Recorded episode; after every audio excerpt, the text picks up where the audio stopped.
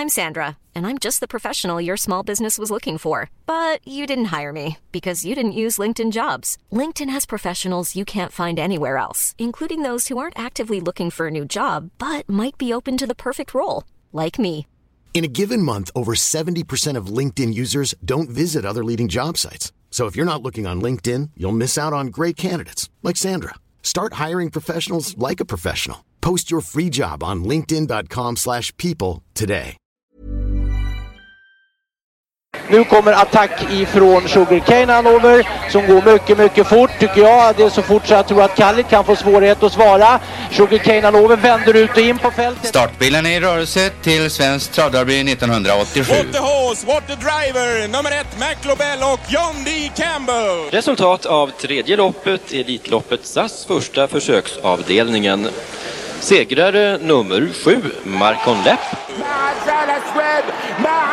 S'est retrouvé.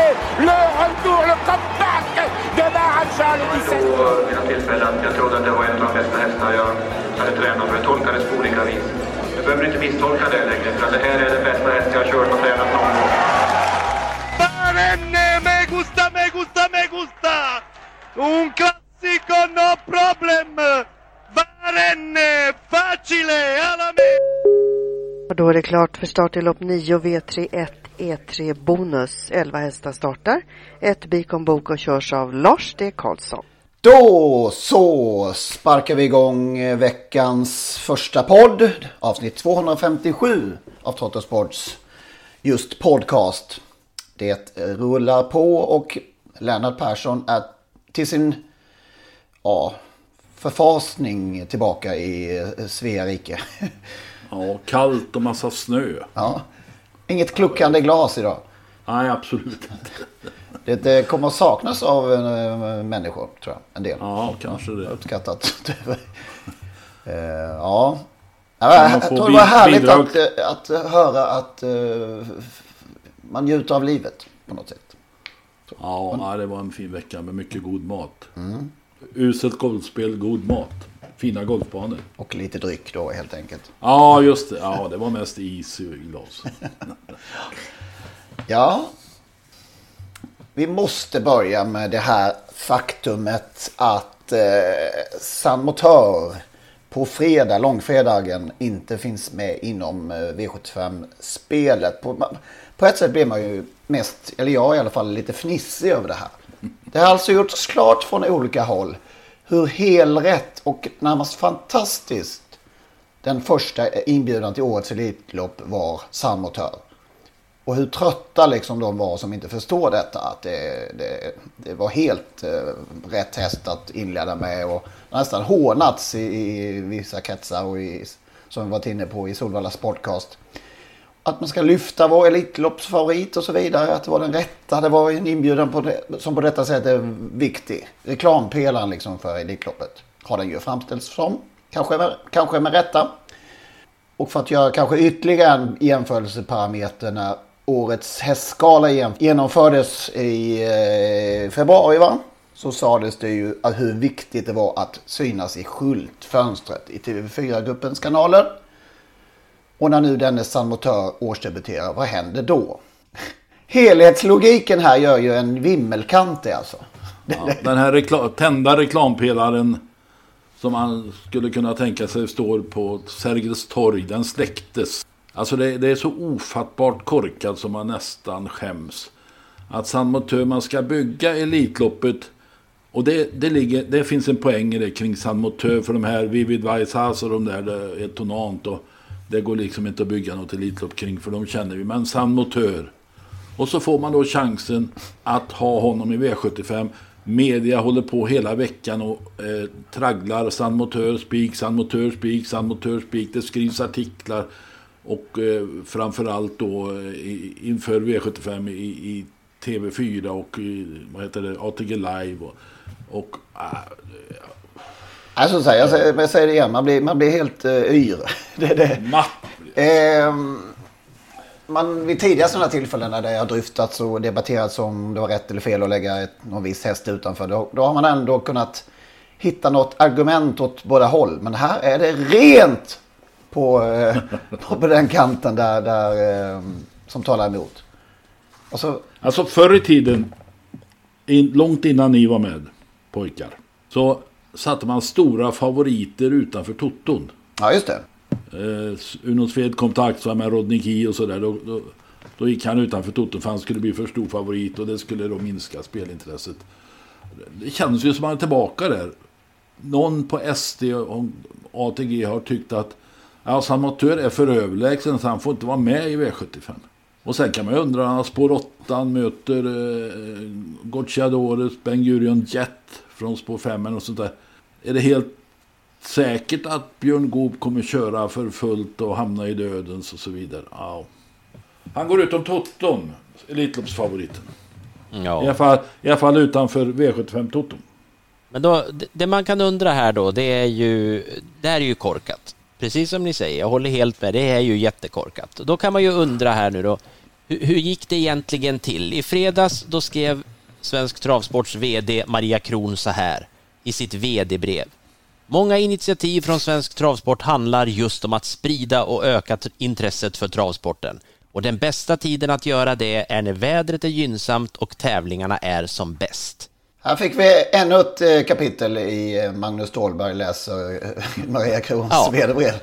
Precis. Alltså, du har min högaktning att orka läsa sånt där drabbel. Alltså. Ja. Men det, det måste man ju göra här därför att nu kommer vi, nu, nu ska ju ni hjälpa mig att reda ut det här för att försöka förstå det här då, det här snacket i TV4-sändningarna om spelbolaget ATG och det här STL som man ska säga istället för V75.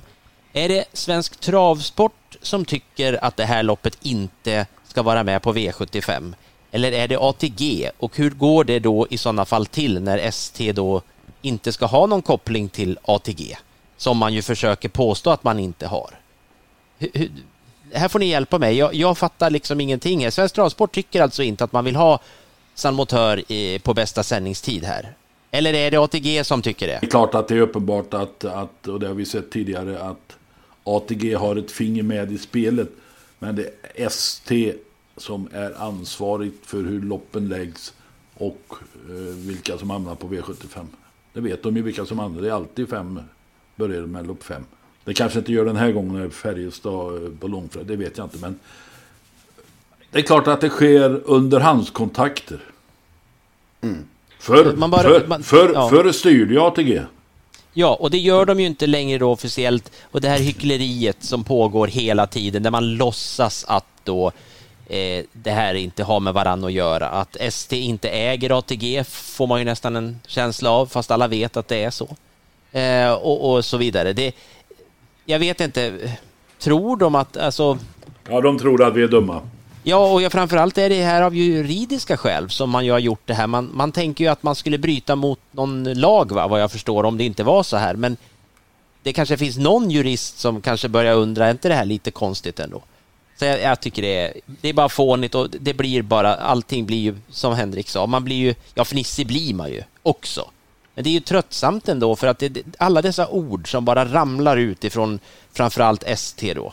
Alla dessa ord om hur fantastiskt det är och man, man vet att det finns 1,5 miljoner som på ett eller annat sätt är intresserade av travsport, skriver Maria Kron också. Det vet man alltså. Hur, hur, hur kan man veta det? På det sättet? Jag tror det här beslutet är taget efter en samlad bedömning. Ja, Robert Karlsson, är det, är det honom vi så ska brukar det skylla på? låta. Ja. Ja, vi får eh, titta på San Motör utanför V75. Det får vi göra. Men någon röd tråd som sagt är svår att eh, förnimma här. I, eh, Ja, det går lite upp och ner. Och det har väl lite med, med eh, ATGs eh, omsättningsbekymmer att göra. Det var som Magnus också sa här att om det blir ehm, lite dålig omsättning, av den anledningen aningen sämre omsättning och det råkar bli favoritbetonat så går ju de här pengarna till en ehm, ökad jackpot på söndag. Ja. Och där är vi också då att, att naturligtvis har ATG påverkat att just den här söndagsjackpotten som var meningen att avgöras på Rommetravet flyttades till Solvalla. Romme kunde inte arrangera av, av, eftersom det var kvarkade.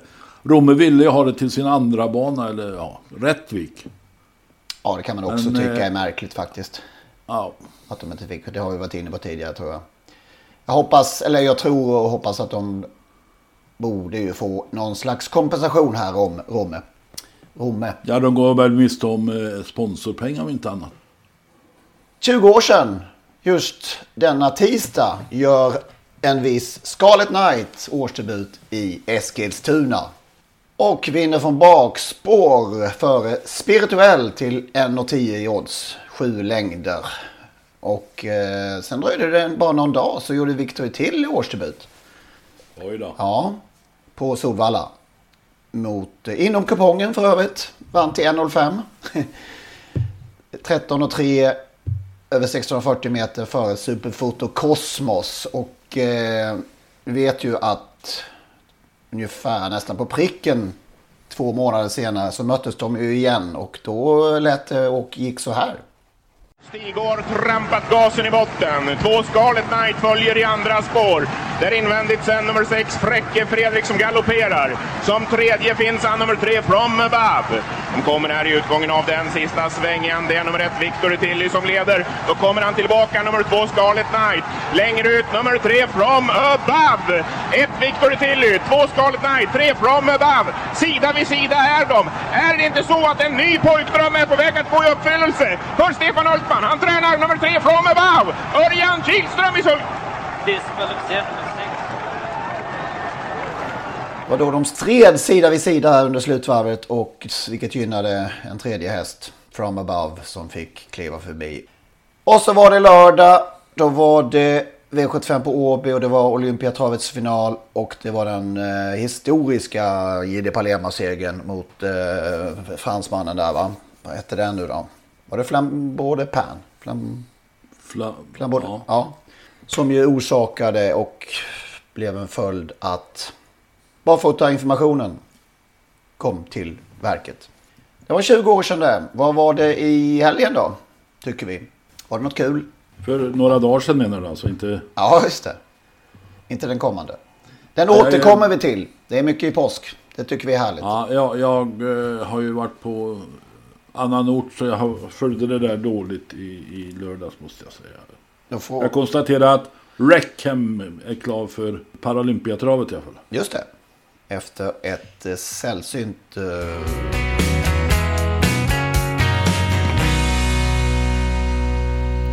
Där hörde ni ju den gamla klassiska, får vi säga, avslutningsslingan till Totosports podcast. Olle Ljungströms sista stråkar av Solens strålar.